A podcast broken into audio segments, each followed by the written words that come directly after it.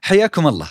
أنا محمد الوهيبي وحييكم في حلقة جديدة من بودكاست 1949 تقرير الحالة الثقافية يستعرض ويتلمس نبض الثقافة وليس له علاقة مباشرة بأداء الوزارة أو قطاعاتها أو هيئاتها.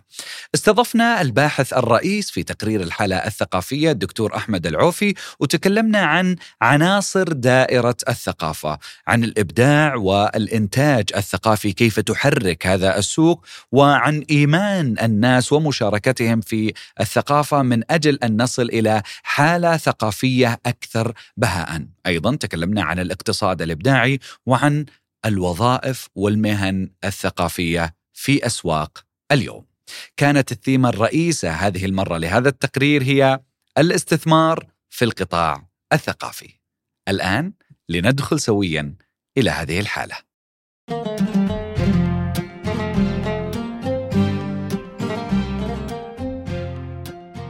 يا أهلا وسهلا دكتور أحمد. حياك الله معنا. يا أهلا بك يا أهلا. سعيدين بوجودك. والله أنا اسعد الله يخليك. آه سنة كاملة من الركض خلف تفاصيل هذا التقرير. آه ودنا نعرف التفاصيل نعرف الكواليس آه عدد الفريق اللي عمل على هذا المشروع آه منذ متى بدأتم في آه الإعداد لمثل هذا التقرير.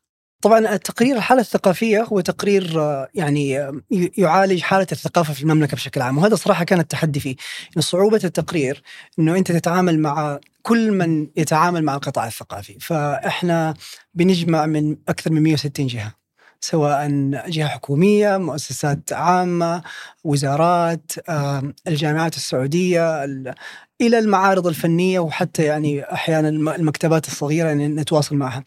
ففي جهد كبير جدا بيصير في التقرير لأن التقرير هو يحاول معرفة حالة الثقافة في المملكة بشكل عام وليس فقط تقرير يعني أداء لجهة معينة. هي وزارة الثقافة بحكم أنها تقود القطاع فلذلك كانت فكرة أنه التقرير يعني يقدم صورة للقطاع.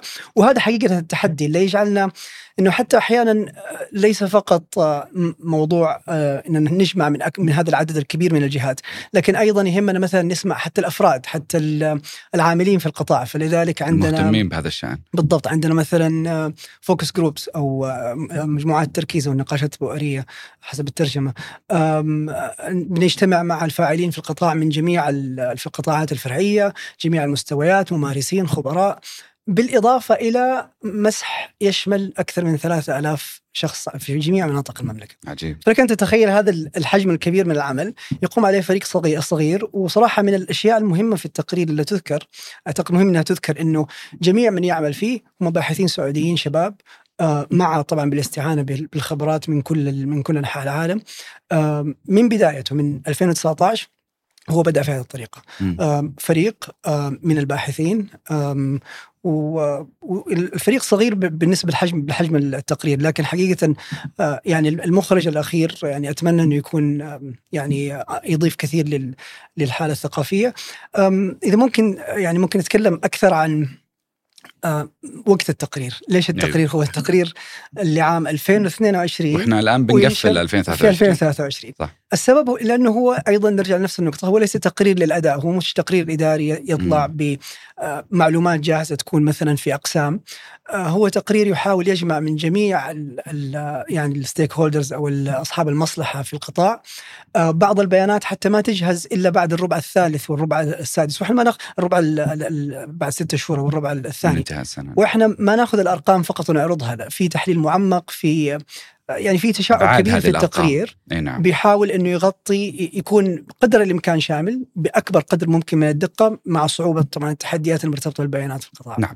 الدكتور رائد السفياني كان يتكلم إنه هذا التقرير يتلمس نبض الثقافة وليس تقرير أداء أو عن الوزارة أو عن قطاعاتها، وأنت قبل شوي قلت إنه في 2019 تقريبا كانت البداية،. ودنا تكلمنا عن هذا التقرير ماذا يستهدف بالضبط؟ متى بدأ؟ متى كانت أول نسخة؟ إيش اللي تبغون توصلون له من هذا التقرير؟ ممتاز هو لماذا تقرير الحالة الثقافية؟ طبعا وزارة الثقافة بدأت في عام 2019 وكان أهم التحديات أنت تبي تعرف الواقع وما بتعرف الواقع فقط اللي بيتخذ القرار. انت انت بتخاطب أطراف عديدة في القطاع سواء أفراد سواء رواد أعمال سواء مهتمين سواء فنانين. بتعطي معلومات أساسية بحيث إنه يستطيع الفاعلين في القطاع إنه يفهموا الواقع. وأيضا مهم جدا أيضا مراقبة التطور اللي بيصير ومواجهة التحديات. يعني إذا ممكن ألخص نطاق تقرير الحاله الثقافية. توثيق. للمنجزات وللتقدم والتطورات في القطاع. آه، رصد للاتجاهات إذا كان في يعني أي اتجاهات جديدة أو أي يعني ملاحظات عامة تساعدنا على فهم القطاع بشكل عام. بالإضافة إلى تقييم يعني يرتبط أيضا في نقد في مستوى عالي جدا من الشفافية في التقرير وأيضا متابعة المؤشرات آه، المؤشرات يعني وفق أطر عالمية. ففي التقرير بدأ في 2019 بهذا الأساس في أول نسخة من التقرير 2019 كانت نسخة يعني ضخمة بعض الشيء لأنها كانت بتحاول إنها توضع خط الأساس وأكثر من خط الأساس يعني كانت تحاول ترصد السياق التاريخي اللي وصلنا. يعني إحنا ما بدأنا في 2018 الثقافه السعودية عميقة. آه فحاولنا في التقرير الأول إنه يكون في محاولة لصورة عامة. إحنا فين؟ وإيش الاتجاه اللي إحنا ماشيين له؟ هذا ثم التقرير اللي بعدها تبني عليه. اي التقرير اللي بعدها كانت تبني عليه. التقرير بعد ذلك كان في تقرير يعني التقرير هو التقرير أيضا بيتطور في كل نسخة. بنحاول أيضا تطوير تطوير منهجيته وأيضا تحسين التجربة. التقرير الثاني مثلا أضاف موضوع الثيمة. فالتقرير الثاني كان يتكلم كان في سنة فيها تحدي كبير الكوفيد والكوفيد 19 وال يعني التحديات اللي واجهها القطاع آنذاك.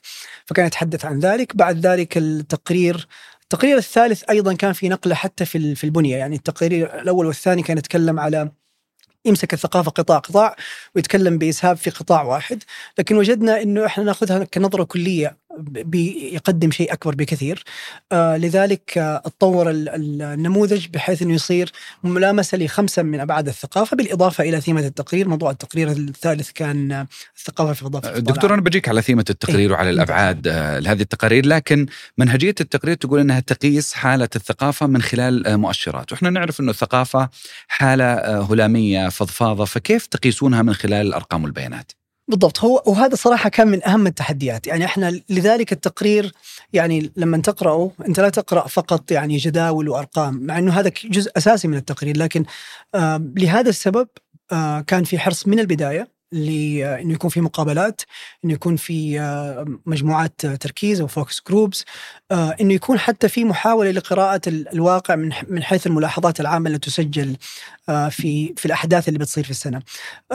وهذا صراحة إحنا كنا مدركين من البداية مدركين بمعنى إنه حتى يعني المنهجيات اللي بنينا عليها منهجية اليونسكو اللي إحنا كنا بنحاول يعني نتوائم معاها بشكل كبير. في إدراك لهذا الأمر في إدراك إنه الثقافة آه، هي ليست هي ما بعد الأرقام يعني هي م. هي تجربة هي شعور هي تعبير. لكن هي موضوع موازنة يعني نصيب آه، ونخفق فيه. لكن الرسالة الأساسية هو إنه الارقام مهمة جدا. آه وممكن نتكلم لو تحدثنا عن بعض التفاصيل في في التقرير حيظهر كيف الأرقام مهمة جدا لتلمس خلينا نقول الواقع الموضوعي للثقافة. بس بنقدر نعرف كيف نقيسها إذا عرفنا إيش المصادر، مصادر البيانات بالنسبة لكم، هل أنتم مصدر البيانات؟ هل هي آه، مجموعات التركيز اللي أنت ذكرتها أو بين هذا وذاك؟ هل أنتم اللي تقومون بالأعمال الإحصائية أو تستفيدون من مصادر خارجية؟ كل ما ذكر. يعني إحنا بداية كما ذكرت يعني في أكثر من 160 جهة نتواصل معها ناخذ منها بيانات. البيانات فيها تحدي كبير لأن البيانات يعني أحيانا كثيرة ما تكون على طبق من ذهب. يعني ما تجيك الرقم جاهز. أنت تحتاج إنك تجمعه من أكثر من جهة تحتاج إنك تعالجه. آه في جينا بيانات كثير ما بنستخدمها لأنه بنكتشف إنه والله في ملاحظات مثلا على دقة بعض البيانات. آه في مثلا بالإضافة إلى البيانات اللي تصل من الجهات أو خلينا نقول البيانات السجلية في مسح. بشكل سنوي مسح المشاركة الثقافية من عام 2019 إلى إلى نسخة 2022 بشكل سنوي ينفذ مسح على مستوى جميع مناطق المملكة يشمل 3000 أكثر من 3000 شخص. هذا أيضا مصدر ثاني لجس النبض في في القطاع ومشاركة المجتمع في القطاع. بالإضافة إلى ال focus groups، بالإضافة إلى شيء نسميه المسوحة الخاصة اللي هي يعني مثلا بنجيب شريحة من المتاحف الخاصة آه وبنجمع منها بيانات بشكل مباشر. مثلا عدد من من المعارض الفنية عدد من المكتبات. وهذا أيضا يضيف level ثاني من من التعقيد في في ال operation أو في في في تنفيذ في تنفيذ المشروع. لكن في الأخير آه، بيقدم كما تصور يعني آه، صورة كاملة أو خلينا نقول تسعى إنها تكون شاملة لل- للقطاع قدر الإمكان آه، وما ما تغفل احد من الفرد إلى ال- إلى أندية الهواء إلى مؤسسات المجتمع المدني إلى ال- إلى الوزارات واضح. والمؤسسات الداعمة بما فيها طبعا وزارة الثقافة يعني جزء أساسي من البيانات أصلا بيكون آه، مع نضج البيانات في في القطاع بيصير في نوع من المركزية الجيدة واضح. بالنسبة لجمع البيانات واضح طيب عناصر الثقافة أنت قلت قبل شوي إحنا كنا ندرس القطاعات ثم صحيح. اكتشفنا أنه آه، ودنا نوسع الدائرة ونخليها شمولية أكبر آه، ثم اتجهت إلى عناصر الثقافة. نشوف في التقرير يمكن في خمسة أو ستة عناصر الإدارة والصون المشاركة صحيح. الثقافية الاقتصاد الإبداعي هذا بنتكلم عنه كثير بعد شوي. لكن يعني إن صحت تسمية العناصر هي ما بين المنتج والمنتج والمستهلك وغيرها. ودنا يعني تقول لنا كيف حددتوا هذه العناصر الثقافية؟ هي أشبه بسلسلة القيمة. هي سلسلة القيمة الخاصة بالثقافة. آه، وهي أيضا وضعت في يعني كان هذا ال- ال- الإطار اللي تبناه اليونسكو في آه، في تقرير عام 2009 آم، زي المرجع الإحصائي يتحدث عن إنه الثقافة في دورة متكاملة لها يعني هي دورة وليست فقط خط يعني بيبدأ وينتهي لأنها تبدأ من الإبداع. الإبداع اللي هو ال- ال- العمل المبدع اللي هي أساس أساس ال- ال- الفعل الثقافي لكن المبدع لا يستطيع أن يصل أو يصبح عمله آه، مؤثر إلا من خلال الديسمينيشن أو التوزيع أو الانتشار، يعني حتى فكرة الثقافة هي ليست مرتبطة بالتوزيع بالمعنى الاقتصادي فقط لكن أيضا بالانتشار الانتشار. وبنشر الوعي. آه ثم يأتي التلقي، التلقي أو ال أو ال أو الاستهلاك حسب يعني المنتج اللي عندك. آه فهذه هذه الدائرة يعني هي اللي من خلالها يعني نقدر نشوف يعني المفاصل الأساسية في القطاع الثقافي. لكن أيضا لأن القطاع الثقافي أيضا مرتبط بصون وحفظ ال- ال- التراث. فلذلك كان في آه، فصل خاص بالتراث وسميناها الإدارة والصون، الإدارة بمعنى اللي هو ال- ال- البنية التحتية للثقافة، فالفصل الف- ممكن حد مناسب إن نتحدث عن. الفصول تحديدا.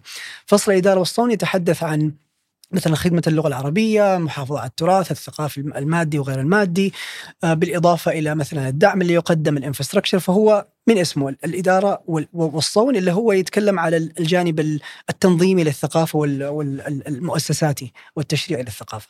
بعد ذلك آه، في فصل خاص بالإنتاج والإبداع. اللي هو العملية الأساسية اللي من خلالها ينتج يخرج يعني العمل الثقافي. آه، وهذه نقيس فيها مثلا أعداد الكتب اللي تنشر نقيس فيها مثلا عدد الأفلام. آه الإبداع مثلا نحاول الإبداع صعب جدا إنك يعني اللي هو العمل الفريد إنك تقيسه لكن نحاول مثلا من خلال آه النظر إلى الجوائز. إنه إذا كل ما ممكن تعطيك مؤشر على جودة المخرج طبعا بالضبط. يعني كتقرير هو ما يتدخل في النقد الفني لكن تحاول قدر الإمكان تأتي ب يعني مقاييس موضوعية تصل فيها لل- للموضوع.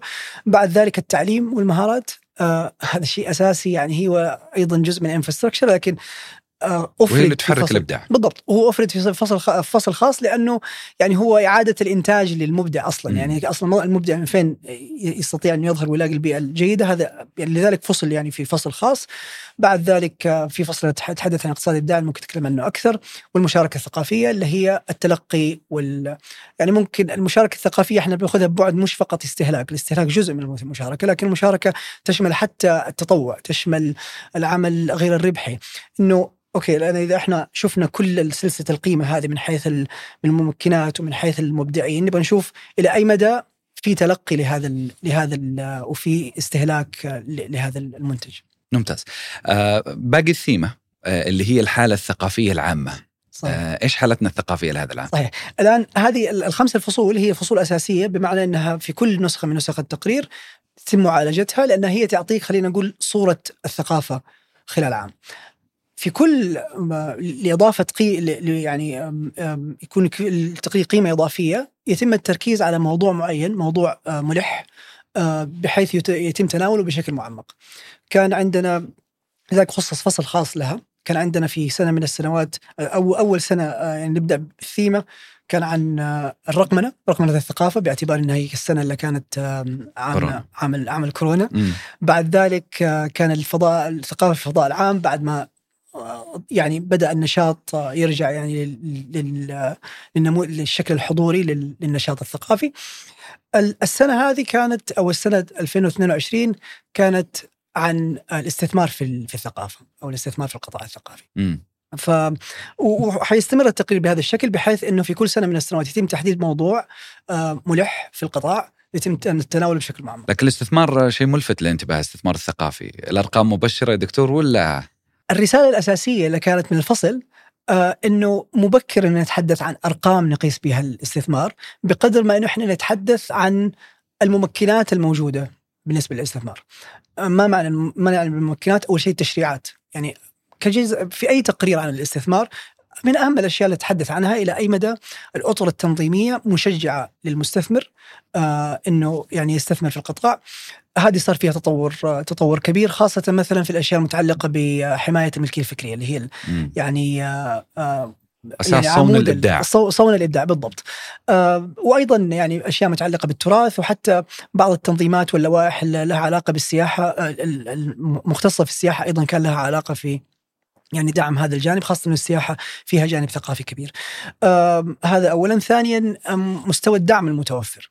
يعني إحنا لما نتحدث عن أنت كمستثمر تحتاج مقومات أساسية، تحتاج إنه يكون في فاعلين، تحتاج بمعنى آخر تخلق السوق. آه خلق السوق هذا يحتاج في البداية إلى دعم وليس يعني هنا ما نتحدث عن استثمار بمردود مالي بس الاستثمار بمعنى العام بمعنى إنه يتم دعم القطاع آه لكي يعني ينتعش السوق بعد ذلك يكون مردودها على الاقتصاد الكلي على الاقتصاد الوطني مبكر نتكلم عن نضج السوق؟ أظن مبكر جدا. يعني هذا هذه من الأشياء الأساسية اللي تحدث عنها تحدث عنها التقرير. وأيضا مبكر من ناحيتين من ناحية البيانات. وأيضا من ناحية إنه القطاع الثقافي لفترة طويلة كان يتم التعامل. وهذا على فكرة مش مش في المملكة هذا المستوى العالمي. يتم التعامل معه على إنه يعني قطاع مرتبط بالهوية ومرتبط بالتعبير. وهذا فعلا لابد أن يظل هذا هو الأساس في الثقافة. لكن أيضا هو قطاع منتج قطاع مسهم في في الاقتصاد. يعني هذا من ممكن من الثمانينات القرن الماضي صار في إدراك على المستوى العالمي. يعني لذلك مثلا كلمة مثلا زي الاقتصاد الإبداعي مفهوم حديث. يعني ما بدأ يتداول بشكل كبير إلا في عفوا يتداول في في إطار الثقافة. يعني هو ممكن كان يتداول في مجال ال IT مثلا وصناعات أخرى لكن في مجال الثقافة الاقتصاد الثقافي تحديدا هو حديث جدا. لذلك يعني إحنا القطاع ما زال يعني يبنى من حيث من حيث الممكنات، ما زال يبنى من حيث من حيث من حيث الأطر والتشريعات والأنظمة. نعم، لكن بالتأكيد إنه ماشي في المسار الصحيح وهناك بعض الأرقام خلينا نقول اللي نستبشر فيها. صحيح يعني أنا ودي ندخل في التفاصيل، ودي ندخل في بعض الأرقام وأبرز معالم هذا التقرير آه، مثل ما صورها آه، أو صورتها الحالة الثقافية في الاستثمار. ممتاز. آه، يعني إحنا ممكن أنا ممكن آه، حتى أتكلم عن أشياء مثلا في الاقتصاد الإبداعي اللي ممكن تدعم آه، هذه النقاط. يعني إحنا مثلا اليوم عندنا في المملكة أكثر من 11 ألف منشأة صغيرة ومتوسطه ومتناهيه الصغر. الصغر ثقافية. تشت... تعمل في مجال الثقافة.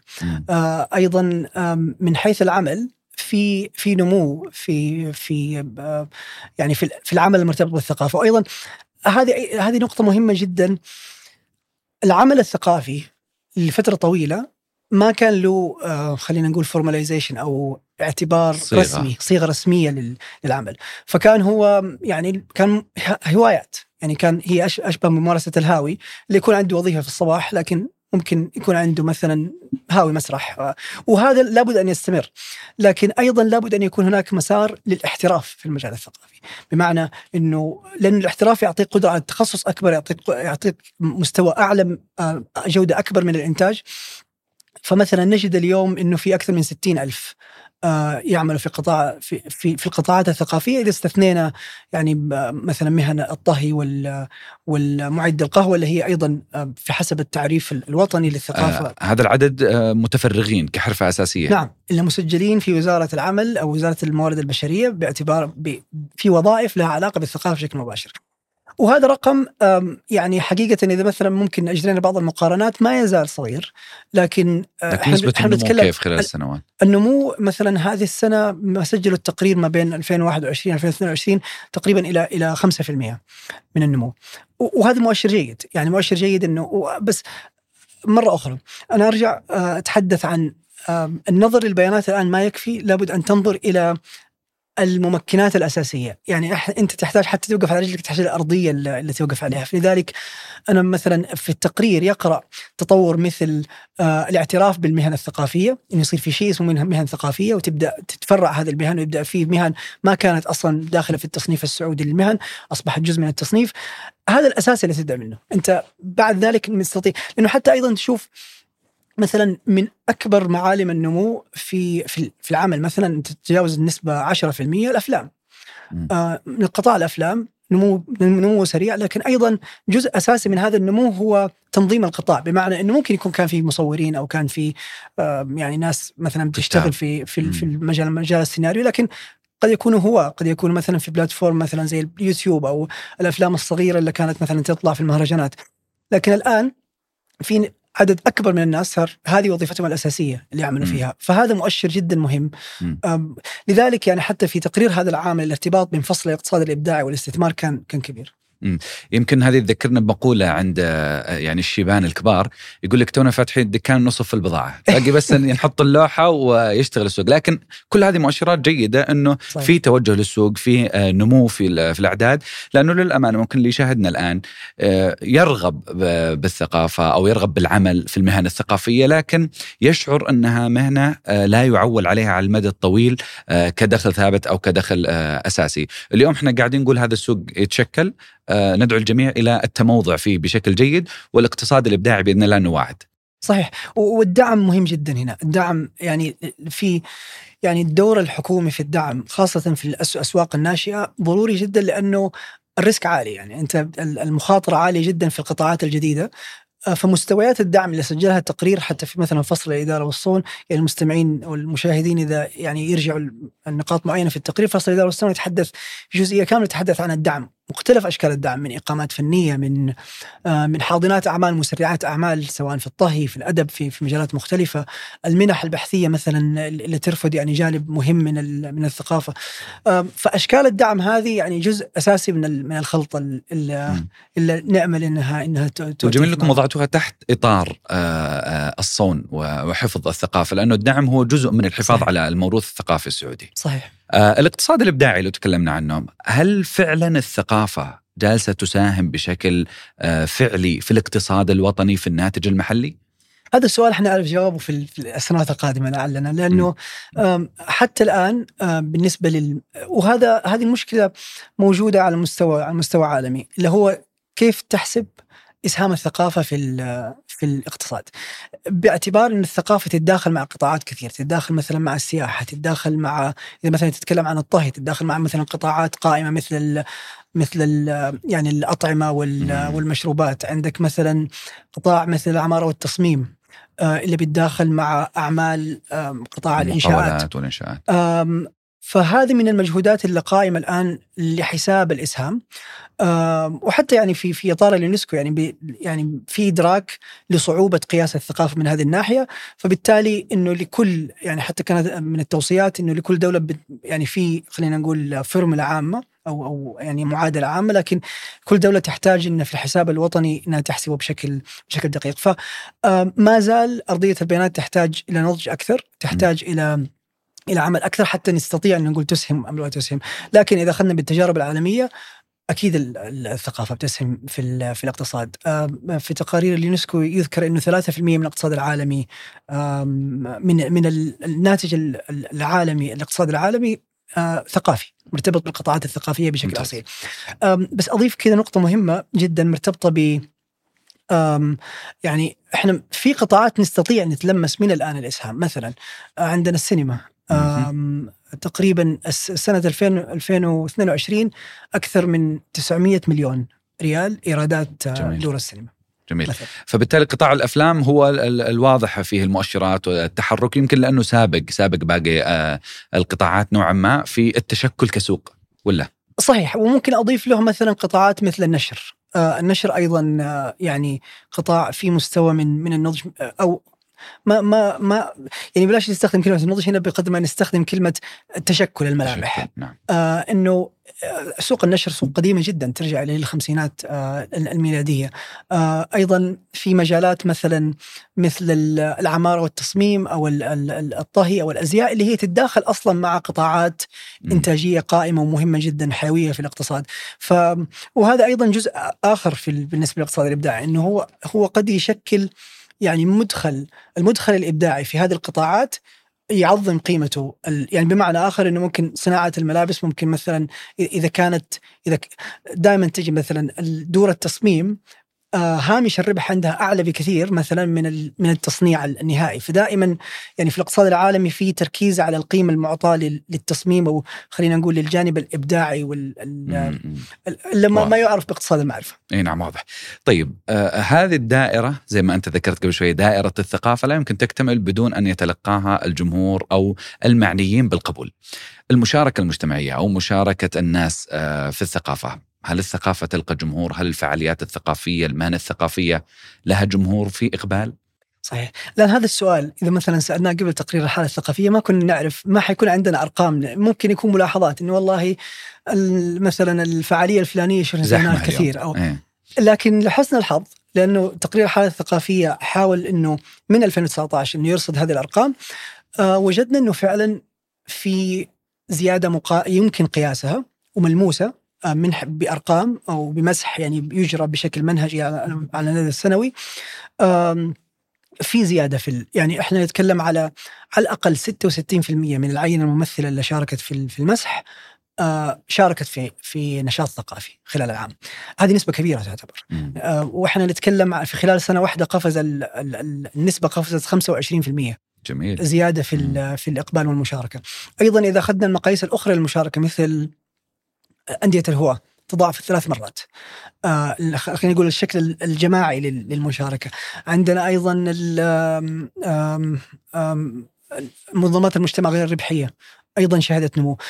فمؤشرات المشاركة مشجعة جدا وإذا ضفنا عليها أيضا مؤشرات السياحة بمعنى آخر إلى أي مدى السائح الداخلي خلينا نتكلم هنا تحديدا آه يعني يكون ضمن رحلاته مشاركة في أنشطة ثقافية. هذه ارتفعت خلال سنة واحدة 100% يعني تضاعف عدد آه عدد الرحلات اللي فيها. وهذا وهذه الزيادة هي ليست زيادة فقط مرتبطة بانتعاش قطاع السياحة. يعني نمو قطاع السياحة أيضا كان مو سريع يتجاوز 60% من حيث عدد عدد الرحلات. لكن الرحلات اللي تشمل أنشطة ثقافية زادت 100% فإحنا نتحدث أنه فعلا في نسبة أكبر من من السياح سياح الداخل تحديدا نتكلم يشاركوا في أنشطة ثقافية خلال زياراتهم في المملكة. ممتاز. أنا نبغى ملخص للمؤشرات أو الأرقام الأساسية اللي أنتم تبحثون عنها مؤشر السياحة الثقافية زي ما أنت ذكرت قبل قليل. نبغى المؤشرات الأخرى يا دكتور اللي أنتم تراقبونها. ممتاز. يعني ممكن أذكر بعض يعني صراحة ما تحضرني آه، يعني في, في إحنا قاعدين نختبرك الحين يا دكتور. ما تحضرني في الذاكرة لكن مثلا أذكر بعضها. مثلا عندنا مثلا في ما يتعلق في العمل أنا ممكن عرجت عليه بشكل سريع. آه قطاع الثقافة هذه السنة يزيد عدد العاملات فيه عن عدد العاملين. يعني عدد السعوديات اللي يعمل في قطاع الثقافة أكثر. وهذا يعني يعني غلبوني هذا نموذج فريد يعني.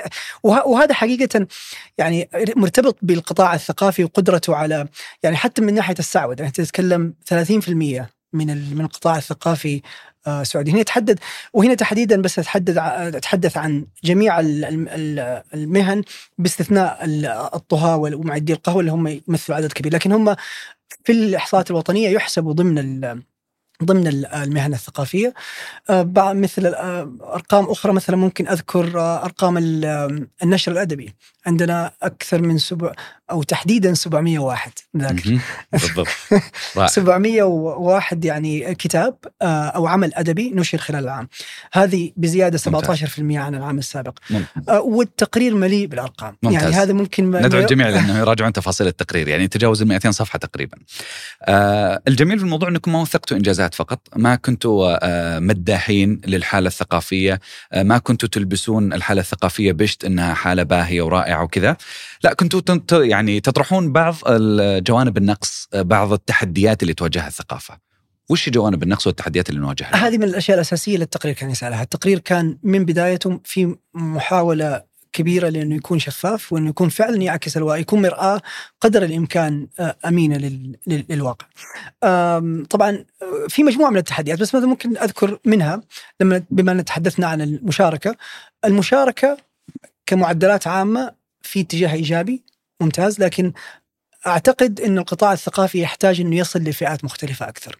فمثلا آه، التقرير يذكر إنه الفئات الأقل دخلا آه، تنخفض النسبة إلى 25% من 66% المعدل.